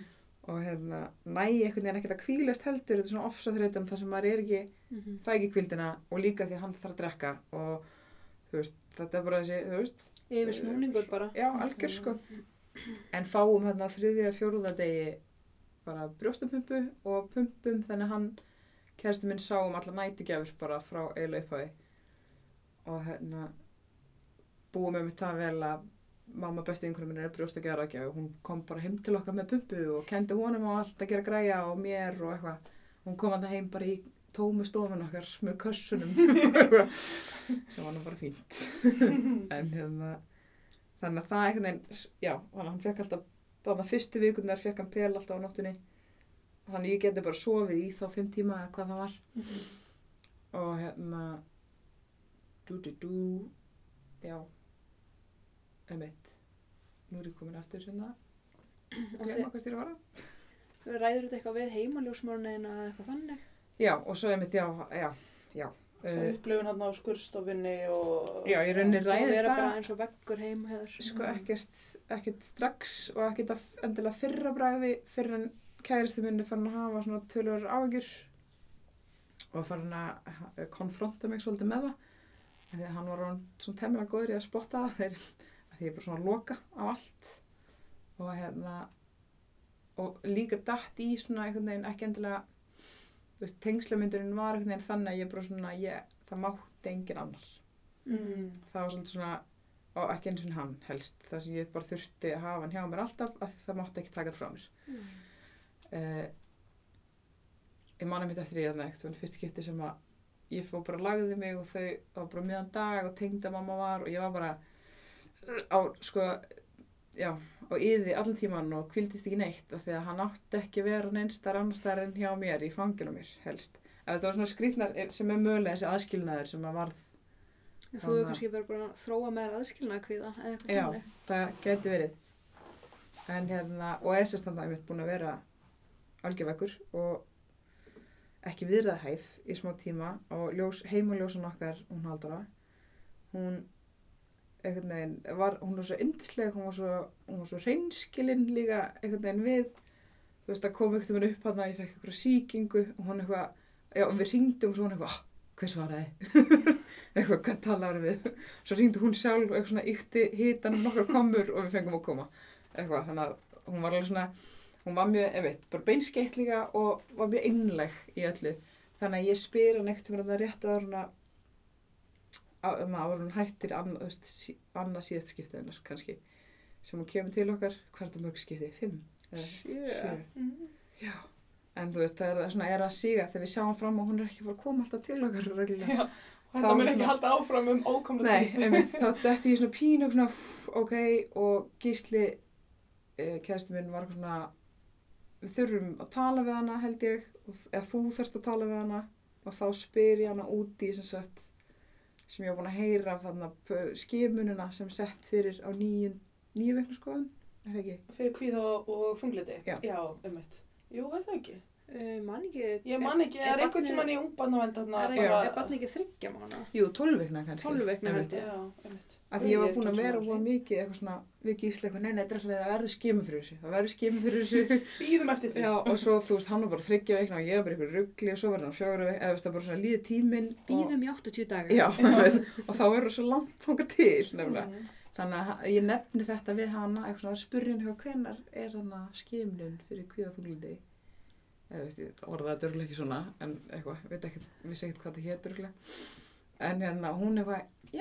okkur er þetta spáði því? Og tekur þann bolta bara gjörsamlega í sínir hendur og kastar honum svona glæsilega vel áfram líka. Þar sem ég fæ í rauninu bara tilvísun beint hjá sálfræðing á heilsugesslunni þar sem ég fer bara í hérna örgulega, ég veit ekki hvort það sé sama próf sem er lagt fyrir en bara í þunglindis og kvíða skimun Mhm. og hérna og þar kem ég bara frekar illa út bara þunglindi og kvíða og mörguleiti bara frekar alvarlegt case og fæ þaðan tilvísun inn í FMB-teimið sem er foreldrar með ganga barn Ég held það, fjölskylda meðganga barn. Já. Fjölskylda móðubarn. Nei, ég veit Nei, ekki. meðganga, Með held ég já. af því að þú getur fengið tilvísun við meðgöngu þunglindi líka held ég það getur Mhm. í rauninni verið þarna áður áður en átt og svona Já, mhm. en hérna fæ þar tilvísun inn hitti þar dásamlega konu og er í sálfræði með fyrir hennan í heilt ár. Það er með að að meðferðin sé þanga til að barna verið eins ás held ég. Og er hjá henni ha- heilt eða hálf nei, teft heilt ár, það skiptir ekki neinu mál en hérna og þar fyrir við í mjög djúpa vinnu bara bæði með tengslamyndun með samskiptuna, gísla og bara hvar liggur vandinn. Og ég er alltaf reglulega, ég fæ alltaf prófi hverjum einsta tíma og er bara svolítið svona rokkandi samt þannig og þú kemur aldrei neitt náðilega vel út og svo fyrir við bara svolítið eða hún fyrir bara að krifja þetta svolítið langt eftir í tíman og þá rauninni ko- kemur í ljós að þessar tilfinningar sem ég var að upplega eru bara þar nákvæmlega söm og ég uppliði eftir kynfyrsopildið sem ég var fyrir. Þannig í kjölfæra því þá fyrir við í bara í rauninni aftur back to basics hugrann aðtöldismeðferð og fyrir að styrkja verkfærin sem ég fekk þar til þess að geta unnið á sig sjálf. Af því ég var bara einhvern veginn allt í vissi hvað ég átti að gera til þess að láta mig lifa betur og til þess að upplifa ekki þessar tilfinningar en ég gati ekki. Mhm. þú veist, ég vissi að ég átti að kunna þetta en ég bara gati ekki. Þú veist, það var bara von, an- algjörst vonleysi. Og það er útla skrítið ef þetta kunna, eða þú veist, þú færð náttúrulega bara hugurinn aðtöldismöður er þannig að þú færð þessi verkefni og þessi tól í hendunar og hvernig átt í raunin að bregðast við ákveðnum aðstæðum, aðstæðum og ákveðnum tilfinningum. Og ég vissi alveg hvað ég átti að gera. Ég vissi alveg að ég hætti að segja þér hérna gerðu bara þetta, eða þú veist, þú veist bara að vinna þessu og gera þetta til þess að þú veist, á, kvíði, farðu bara út í aðstæðunar en Mhm. ekki henda þér út á paniksón eitthvað svona. Mhm. Já, já. en þú veist, ég vissi alveg að ég átti að gera allt svona en ég gat bara ekki, veist, ég hafði mikið í það ég var bara í rauninu mjög illa haldinn þannig við förum bara alveg grunnvinnuna aftur og krifjum rauninu bara allar þær tilfinningar sem ég upplýði við förum bara aftur til ásins 2013 Mhm. í rauninni og til alveg allt árið þar og eftir sem að ég gekk bara með þetta á bakinu og í rauninni var þetta að að væri svona mínu versjón af kynfyrsóböldinu var Mhm. þess aðgerð og þessi úrvinnslu tími Mhm. nema bara miklu stittra allt saman í Mhm. samhengi Já, já. Akkurat. en hérna, Svona að vera að rífa upp sár. já, bara 100% og bara strá fullt af saltiði líka Já. Þannig að þetta var einhvern veginn þessi vanlíðan þín eftir fæðinguna, hún verðist öll tengjast á einhvern hátt aftur í þessar, þú veist, í ofbeldið og allt í sambandi við, við þá upp það bara, já. Mhm. það var alltaf, við náðum að rekja að þangað allavega Já. og ég var einmitt, þú veist, og þarna líka þegar ég var mætt til hennar þá var ég ekkert eitthvað herri já, ég var beitt þetta kynfyrsóbindi þú veist, það var ekkert, mér datt ekki hug að það væri vandamálið Nei. heldur ég bara hvað ég er hér, þunglind og kvíðin að ég vil ekki vera móðir þú veist, ég vil ekki, það er rauglega þetta er nýtt hlutverk og ég vil ekki og þess vegna er líður mér svona illa Mhm. eða Já, hvað einmitt. það sem það var Svona ég get ekki. já. Já, einmitt. Mm. en já þannig þetta er svona, einmitt, það var alveg heilt ár sem við vorum að vinna í rauninni frá þessu bara get ekki mælt meira með FMB teiminu Já. þetta er bara svona aðstæð sem kemur inn í það setur aldrei inn í stólum og það er bara allir á púðum og það er dót og barni kemur með og þetta er bara svona uff, Mm. Svo er Það ekki líka hjálpa við með tengslamyndum við barnið ef að það Jú, er einhver vandi alveg, og allt það, já. og við fórum alveg yfir það líka því mér fannst það einmitt út af kannski bara þessi sem að mér var sagt Já, að áður en ég, þess að ég var ólétt með þetta og ég eitthvað, nei við tengjumst ekki neitt. Eða en svo var það bara ekkert, hún horfði á okkur hún var bara, nei ás þetta er ekki Mhm. vandamál, Mhm. bara alls ekki en ég var bara búin að búa til í haustum að mér þetta væri, að tengslamyndunum okkar væri vandamál Bara að vera eitthvað búin að raskast. já, og bara, einmitt, hann væri siðblindur eða eitthvað, eða þú veist, að því að hann fekk ekki mömmu sín í tvo æ, bara eitthvað, öð, Já. já. en það mjög reið yfir þessu, Mm, þessari setningu og hef hamrað á því við vinkunum mínar sem að hafa orðið ólittur eftir mér að þetta skiptir Það þú er ekki svona nei, alvarlega. þetta skiptir kannski alveg máli en það er svo mikil, miklu meiri skellur ef þú getur ekki ef, þú veist, ef þú ert ekki aðstöðu til þess að gera það ef barnið er tvö beintin á vöggudeld og þú getur ekki verið með það á bringunni í tvo tíma Mhm. það er ekkert endilega heimsendir Nei, nei, nei. Nei. Það veist, sem eins og þetta var pínlóti eð, eftir áhyggja kannski í Mhm. hugunum á mér af því Og ég er með alltaf líka reið. öll hormónin og allar tilfinningarnar á, á miljón, þá, þá er maður, eru nýjar mömmur örgulega alveg fljótar að fara þangað, Alveg. þú veist, í huganum. Mhm. Já. já, og ljósraða Já, og barnið mitt siðblind Já. og ég þarf að sækja mig í siðblind í teiminu, bara á morgun. þryggja vikna gammal Já, vegna aðskilnaðar hann í klukkustund, en þetta er sko, já. Þetta er náttúrulega, veist, að því fæðingin mín gekk í raun og veru vel. Mhm. en svo er það í rauninni eftirköstin sem að einhvern veginn tryggur allt annað. Eða svona það, að ég veit ekki þetta er svona, þetta var rosalega skrítið því ég upplýði nákvæmlega sömu tilfinningar eftir, veist, já, á þessum tíma. Það sem ég upplýði líka bara þetta valdleysi og bara í mómentinu í rauninni það var þetta valdleysi og einhvern veginn bara, ég hefði ekkert um þetta að segja. Og ég gæti ekki stjórna neinu og ég bara lág hana með þess að lömu fyrir neða mitti í þetta skipti Mhm. og gæti kreft mig. Þannig að þetta er svona mjög sérkennilegt, þú veist, þó maður sé mjög örgu umhverfi, það eru bara læknar og það er einhvern veginn alveg verið að passa upp á mánu ég veit að vera að gera gott þegar að vera að bjarga mínu lífi í rauninni, Mhm. þá einhvern veginn samt tryggur þetta þessar sömu tilfinningar en það er líka því að ég ánáttúrulega þessar sögu á baki Mhm. Mhm. og hérna já, Líka mann bara gleymir ekki. nei einmitt hvort það það, sé er, það er held ég svona eitthvað sem að helbristarsfólk þarf að hafa rosa mikið á baku eirað er að Mhm. þú veist, svo- svona öll svona snerting Mhm. og þessi berskjöldun er svo Já. eh, miklu viðkvæmri fyrir þú veist, konur og einstaklingar sem hafa lendi í þessu mm -hmm. erum með þessa fyrir sög á baku sig sko. Akkurat Það er, líka- það er bara einmitt þessuna svo merkilegt að heyra akkurat þess að sögu þína því að þú ert að lýsa því að þú varst þannig að búin að bú, ákveðan vinna búin að þessi stað og Mhm. þér leið vel með sjálfa þig, þú veist svona bara eftir þá vinnu en svo kemur þetta svo einhvern veginn bara aftan að þér, það var kannski ekki það svo reiknað með að, að þú myndir ganga út af fæðinga, þú veist, af kvennadeildinni bara Nei, með þetta einhvern veginn í pókanum upp á Mhm. nýtt Mhm. og, og svona, þú veist, einmitt, það, það er svo margt sem að getur óvænt einhvern veginn kannski tryggjara þetta allt saman, þessa gömlu reynslu aftur. Akkurat hefur vilja vera eitthvað svona meiri þú veist, upplýst um þetta á meðgangunni þú veist, fannst þér að skorsta einhvern hátt að þú myndir vita af því að þetta gæti, þessi fyrir saga geti haft áhrif á þig í fæðingunni eða eitthvað slíkt? Já, sko, ég ætla var ekkert upplýst um það, eða þú veist, ég vissi ekki neitt. Og það er bara hann af einhverjum mér sem er hei, þið eru búin að græja þetta? Og ég eitthvað, jú, þetta er eitthvað sem ég þarf að græja og græja það eins og ég held Já, segja einmitt- ljósmöruninni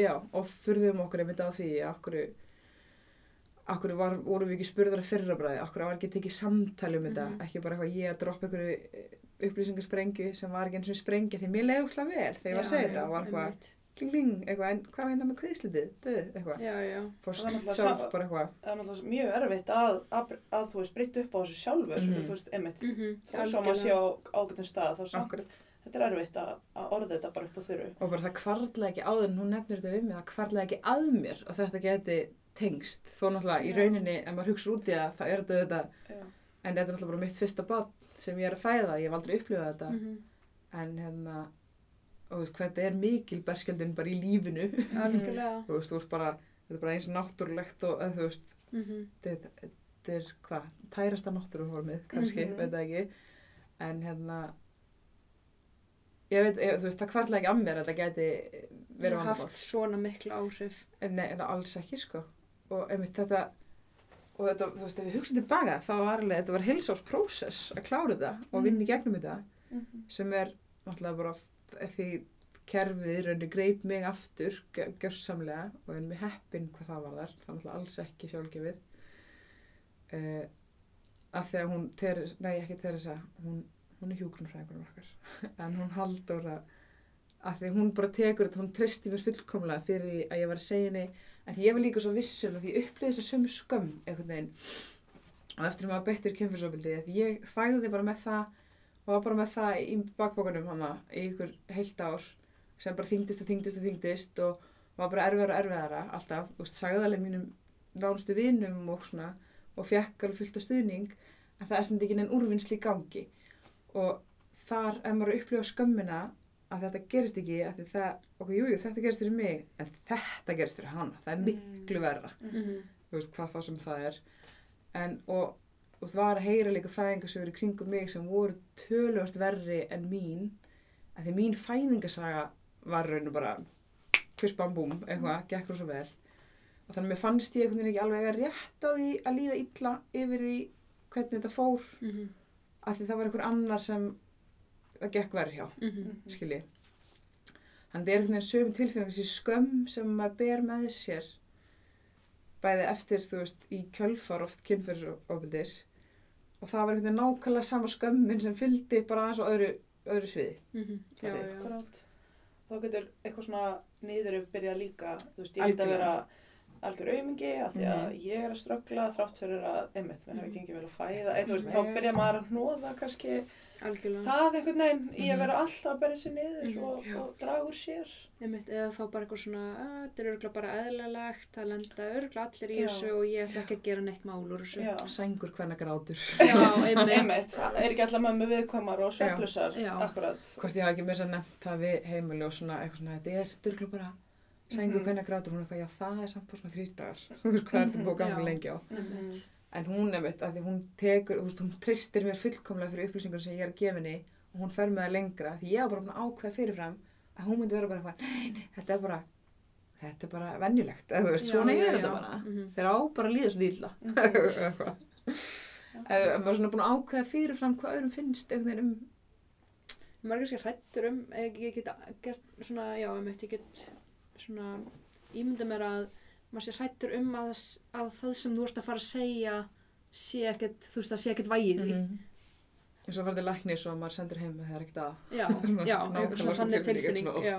Þá Og byrja maður líka kannski sjálfkrafa að draga úr því, sko, mm ósjálfrátt Mhm. til þess að örgulega vernda sjálfan sig eitthvað Algjörlega. fyrir. sem ég gerði alveg 100% Já. sko. Mhm.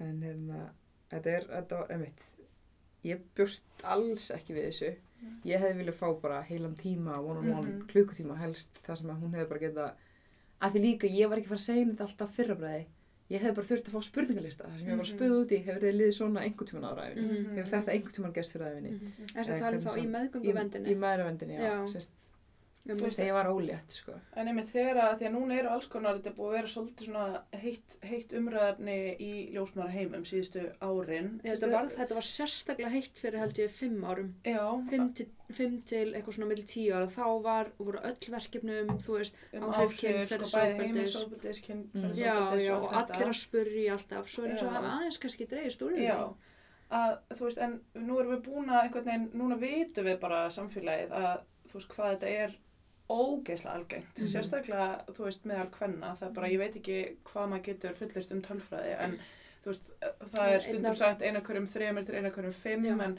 svo veit maður ekki, þú veist, oft sagt ef ekki bara meira, Mhm. þú veist, þannig að pæli í því hvað það er stórt hlutvall kvenna sem að hefur einhver svona eitthvað svona einmitt í þessum bakpoka Mm. og sumir hafa kannski aldrei einmitt opna sig eða náða viðrað eða vinna sér neitt út úr neinu og jafnvel þó þær hafi gert það og séu upplýs á góðum stað og eitthvað svona að þú veist þetta ætti einhvern veginn að vera bara ekki bara spurning og já hvernig liðið þetta fínt, Mhm. flott áfrangak þú veist þetta ætti að vera þá kannski smá samtal Mhm. og einhver fræðsla um að þú gætir átt, þú veist, bara rannsóknir sína að, að þú veist, þú gætir átt vona þessu og þessu kannski Mhm. og þarna eru kannski triggerar og eitthvað svona, Mhm. að það er kannski Algjörlega. eitthvað sem að sem að hjálpa manni Mhm. ef að maður síðan verður fyrir einhverjum svona triggerum og, og vanlegan að Mhm. þá uh, kannski ef maður fljótar að tengja af hverju gerist þetta Já, og eftir á hvað getur gert og Mhm. já, Mhm. ég, ég veit það ekki. Mm. heldur að, að það geti verið að Já, hjálpa hugsa það sko.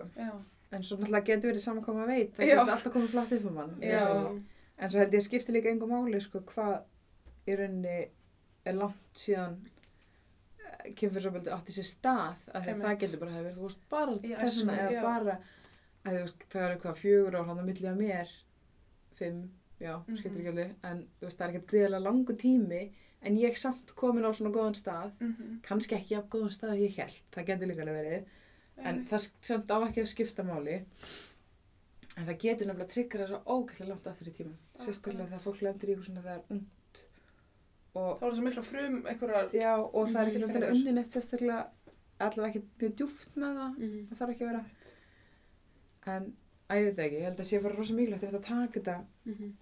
að taka fæðsluna. samtal, ég held að vera rosa gott og ég, þú veist, álasa minni maðurvendarljósu ekki neitt, Nei, ég nei. elska hana ennþá, ég ætla bara að byggja mér hana ef ég verð ólítið aftur Já, en hérna en þetta kannski bara glemdist aðeins og einmitt ég kem að eitthvað, ég mjónu eitthvað eitthvað, bara eitthvað svona já. og berði þig kannski bara vel Já, og og bara bara, eitthvað svona, en það er ekkert mál. Og þú veist, og hvort gæti vel verið að hefja sagt það sjálf bara, akkurat, en það hafa mér ekkert í dag eitthvað svona, Mhm. akkurat. og þá náttúrulega bara endilega, ekkert endilega þú veist, já, þá tekur hún ekkert endilega neitt lengra en það, ég segi endilega rosa oft þannig, En, en myndur þá einmitt líka, þú veist, myndur þú hvetja aðra stelpur sem eru kannski ólittar eða mögulega verða ólittar að einmitt opna á þetta við, við sína ljósmaður og, og svona, alveg þú veist, 100% sko. já, vinna úr þessu kannski Mhm. ef þær eru ekki búnar að því já, og akkurat. einmitt bara líka að því það er einhvern veginn allir bónur og búnir, eða allar ljósmaður já, bónur og búnar til þess að, og líka læknar, hjálpa manni á þessum tíma og maður bara einhvern veginn er nummer 1, 2 og 3 hjá öllum að, það var alltaf mín upplifun sem var rosa Sannarlega. góð upplifun Mhm. Að ég allt, það var hlust á allt sem ég sagði og það var allt tekið til greina og nema kannski með þetta því ég gerir lítið því sjálf. Mm, en að maður getur einhvern veginn treyst þessu fólki fyrir þessum upplýsingum og þá einhvern veginn er unnið betur með manni og þá, einmitt kannski með hana yngu mína í fæðingunni. Þetta er kannski stóð bara í fæðingarskýslinu minni og þess vegna var hún hann bara mm mín stóð stitta Mhm. akkurat. og einmitt var, ég veit ekki hvað það var margir klukktímar, mjög margir en hann var bara frá uppöll enda sko Mhm. Já. og það var kannski brútið þessu Mhm. Mm, Það er náttúrulega líka alveg þannig að þú veist, um, konur sem eiga fyrir sögum um, kynferðslegt ábeldi, þær hafa meiri þörf fyrir að vera með samfellu í Mhm. þjónustunni sko. Þeim, þeim gagnast það mjög að vera með sömu ljósmæruna í gegnum allt ferlið. Þannig að það er svona eitthvað sem maður mætti kannski líka hafa bak veira ef maður er, er að fara að gangi gegnum barneignarferlið og er með þess að fyrir sögu.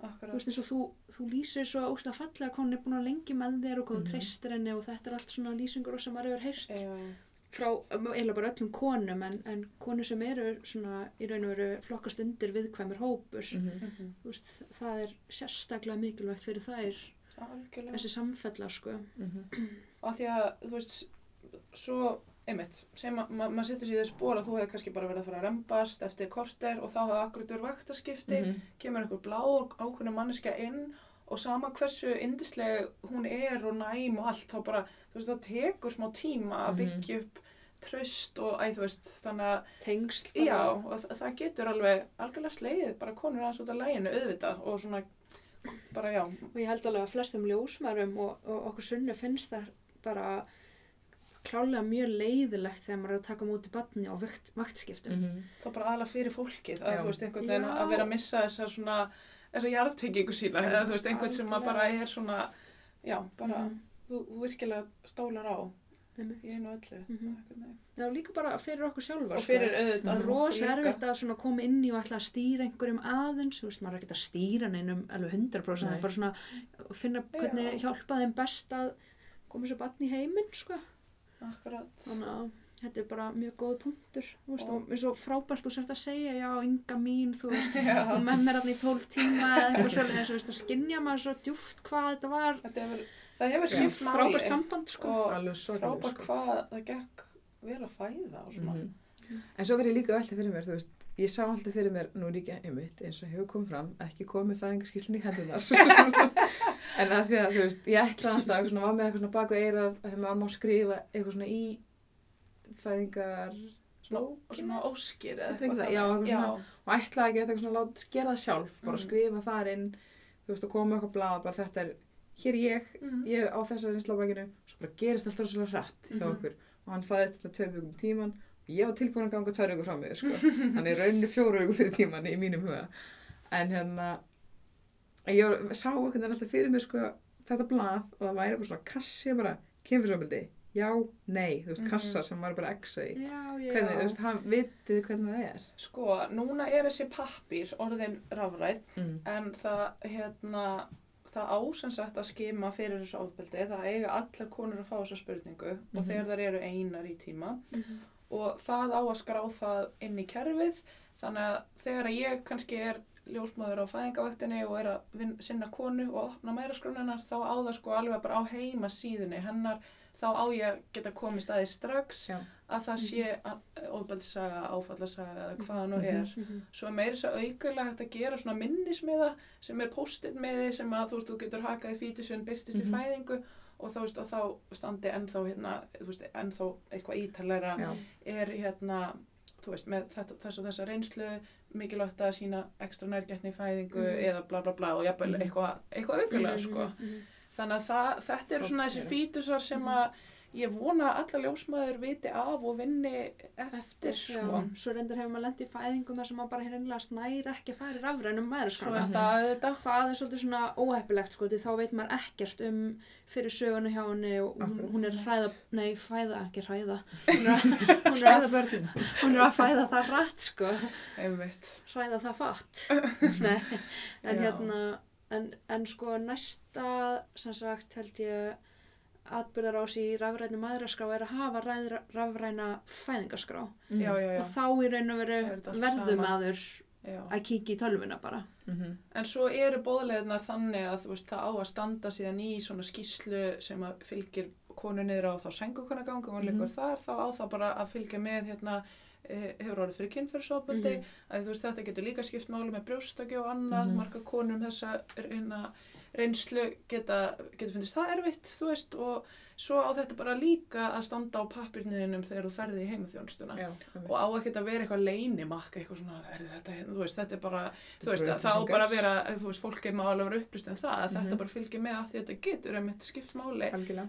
þannig að þú veist, Í þetta er svona þannig á það að vera og ég held bara því miður af því að oft er ekki næg samfella í þessu kerfi hjá okkur að þá kannski getur þetta týnst í einhverjum svona gloppum en Mhm. bara gott, góð áminning þú veist, fyrir alla að bara að reyna að, að skráta vel og hérna, þú veist, passa upp á þetta sko En ég held að sé líka alveg gott fyrir, þú veist, verðandi mæðar að vita að það er hægt að skráða þetta eins og þú veist að lýsa þessu áðan með þessum minnismiðum sem poppa það upp í fæðingu og du, du, du, að sé að, þú veist, að maður viti af því að ég get komið sér Mhm. á framfæri og Mhm. þær komast á framfæri. En Það er líka, þú veist, það er ekkert svo veist, að þú veist, þurfa að koma svolítið á framfæri sjálfur. Mm. Það er alltaf að segja þetta. Já, og vera mættur í fæðingu, þið langar bara að takast á við verkin og, og koma sér Mhm. bara í, í heimun og ekki vera að blanda þessari, þú veist, minningu inn í. að þurfa alltaf að fara að rifja upp Já, og ekki taka það að þetta sé kannski alveg svona svakalegt, en fyrir mörgum get ég Já. ímyndað mér að þetta sé í raun og veru svona, já, að rífa upp einhver sár, sko, að Algjörlega. minnast alltaf á þetta. að, og já, sannlega sko svona, ágætis punktur, sko, fyrir allar ljósmaður að, að vera duglegar að kíkja. En svo hefur okkur nú verið kent það og mér finnst það góð punktur að, Mhm. hérna, að gera bara alltaf ráð fyrir því að kona sem þú ert að vinna með hafi orðið fyrir kynferðsopildi Mhm. af því að það stendur ekki ennun á neinum sumir hafa ekki eins og opnað sig þá séu spurðir, bara er ekki tilbúinir einhvern veginn.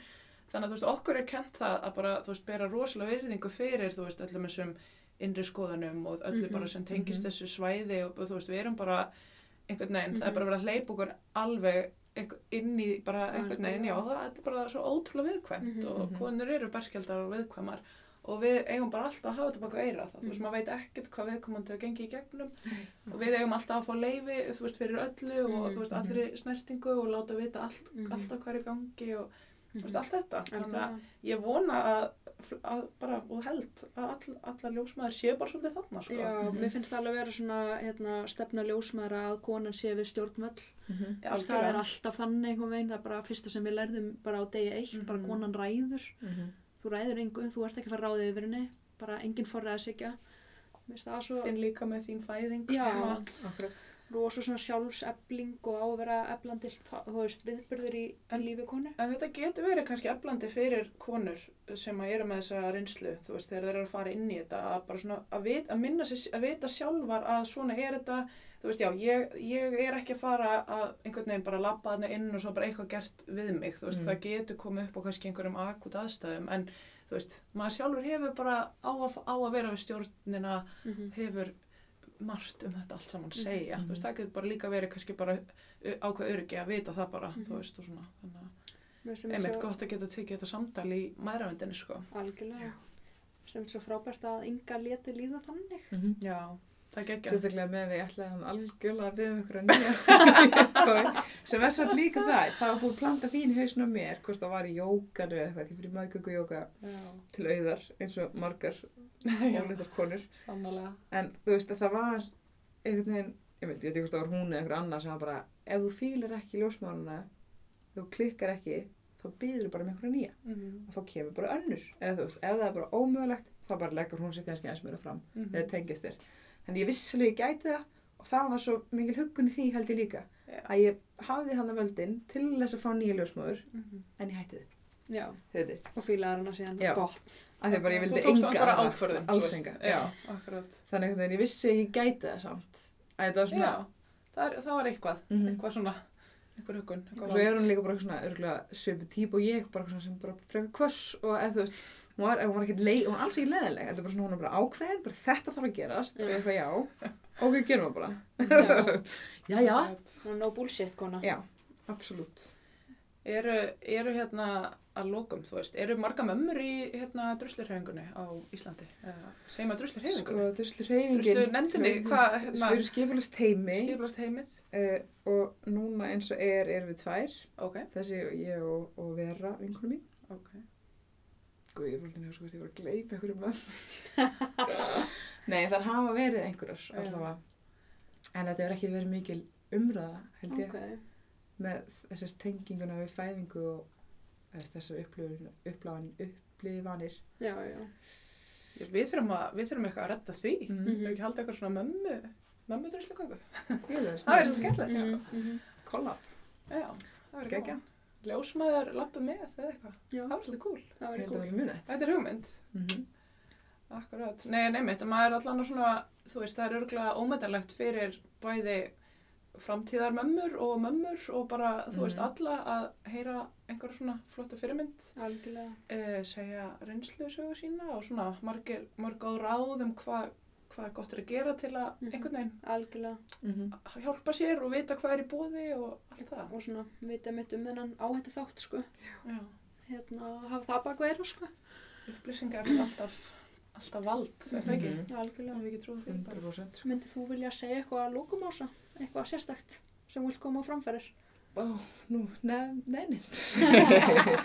Nei, ég bara takk fyrir að fá mig og þú veist, alveg mjög skrítið einmitt að hugsa um, þú veist, fara í gegnum þetta allt aftur í dag. Og mun allt einhvern veginn aftur og einmitt eftir að higgja því ég var alltaf pínu reið yfir þessu hvernig þetta fór Mhm. en svo náttúrulega bara í líka sálfræðvinnunni sem ég fór í þá einhvern veginn vissulega komst ég yfir það Mhm. en svo í dag að hugsa tilbaka það er þurrglega, þú veist, rauði þráðurinn í fæðingunum minni var ynga. Þú veist, ég er bara í alveg ekki búin að pæli því þegar núna hvað hún var ógislega lengi með mér og það var kannski af því það var, var eitthvað viðbröð sem er náttúrulega bara frábært af því fæðingin gekk rosalega vel Já. það var bara þessi, þessi nökrið hann sem kom eftir á sem að Einmitt. tryggar allt hjá mér Mhm. þannig að kannski var einmitt brúðist við þessum upplýsingum sem ég Sem voru... gaf, já. þó að það hafi verið bara eitthvað hei, Já. Já, emmitt. og einmitt, já, ég hef ekki upplifað en viðbröðið endilega, en það, þetta voru kannski viðbröðin Við komum við hjá yngum með köku og leiðinu þarna Já. að sækja við spilingli. Fæðingarskíslunni. sjúkið er það ekki? Ég við allan að bara, bara til hamingju með að hérna, einhvern veginn vera svona sterk kona og búin að bara vinna svona vel í, í þínum málum og vera flott fyrirmynd. Mhm. Mjög dýrmætt að, Já. að hérna, fá að heyra svona merkilega reynslusögu. Já, takk hérlega fyrir það, Ása. Takk fyrir og komin. einmitt bara hvet líka allar stelpur til að vera hinskilar eða þú veist, að tala, að opna á sína reynslu Algjörlega. það er miklu betra að hafa eitthvað með sili heldur en að standa einn Ljósmaður munu bara taka, taka því opnum örmum, Mhm. alltaf. Við lofum því. Já. Og nú getum staðið við það. er það ekki bara loka orð? Jú. Thank you.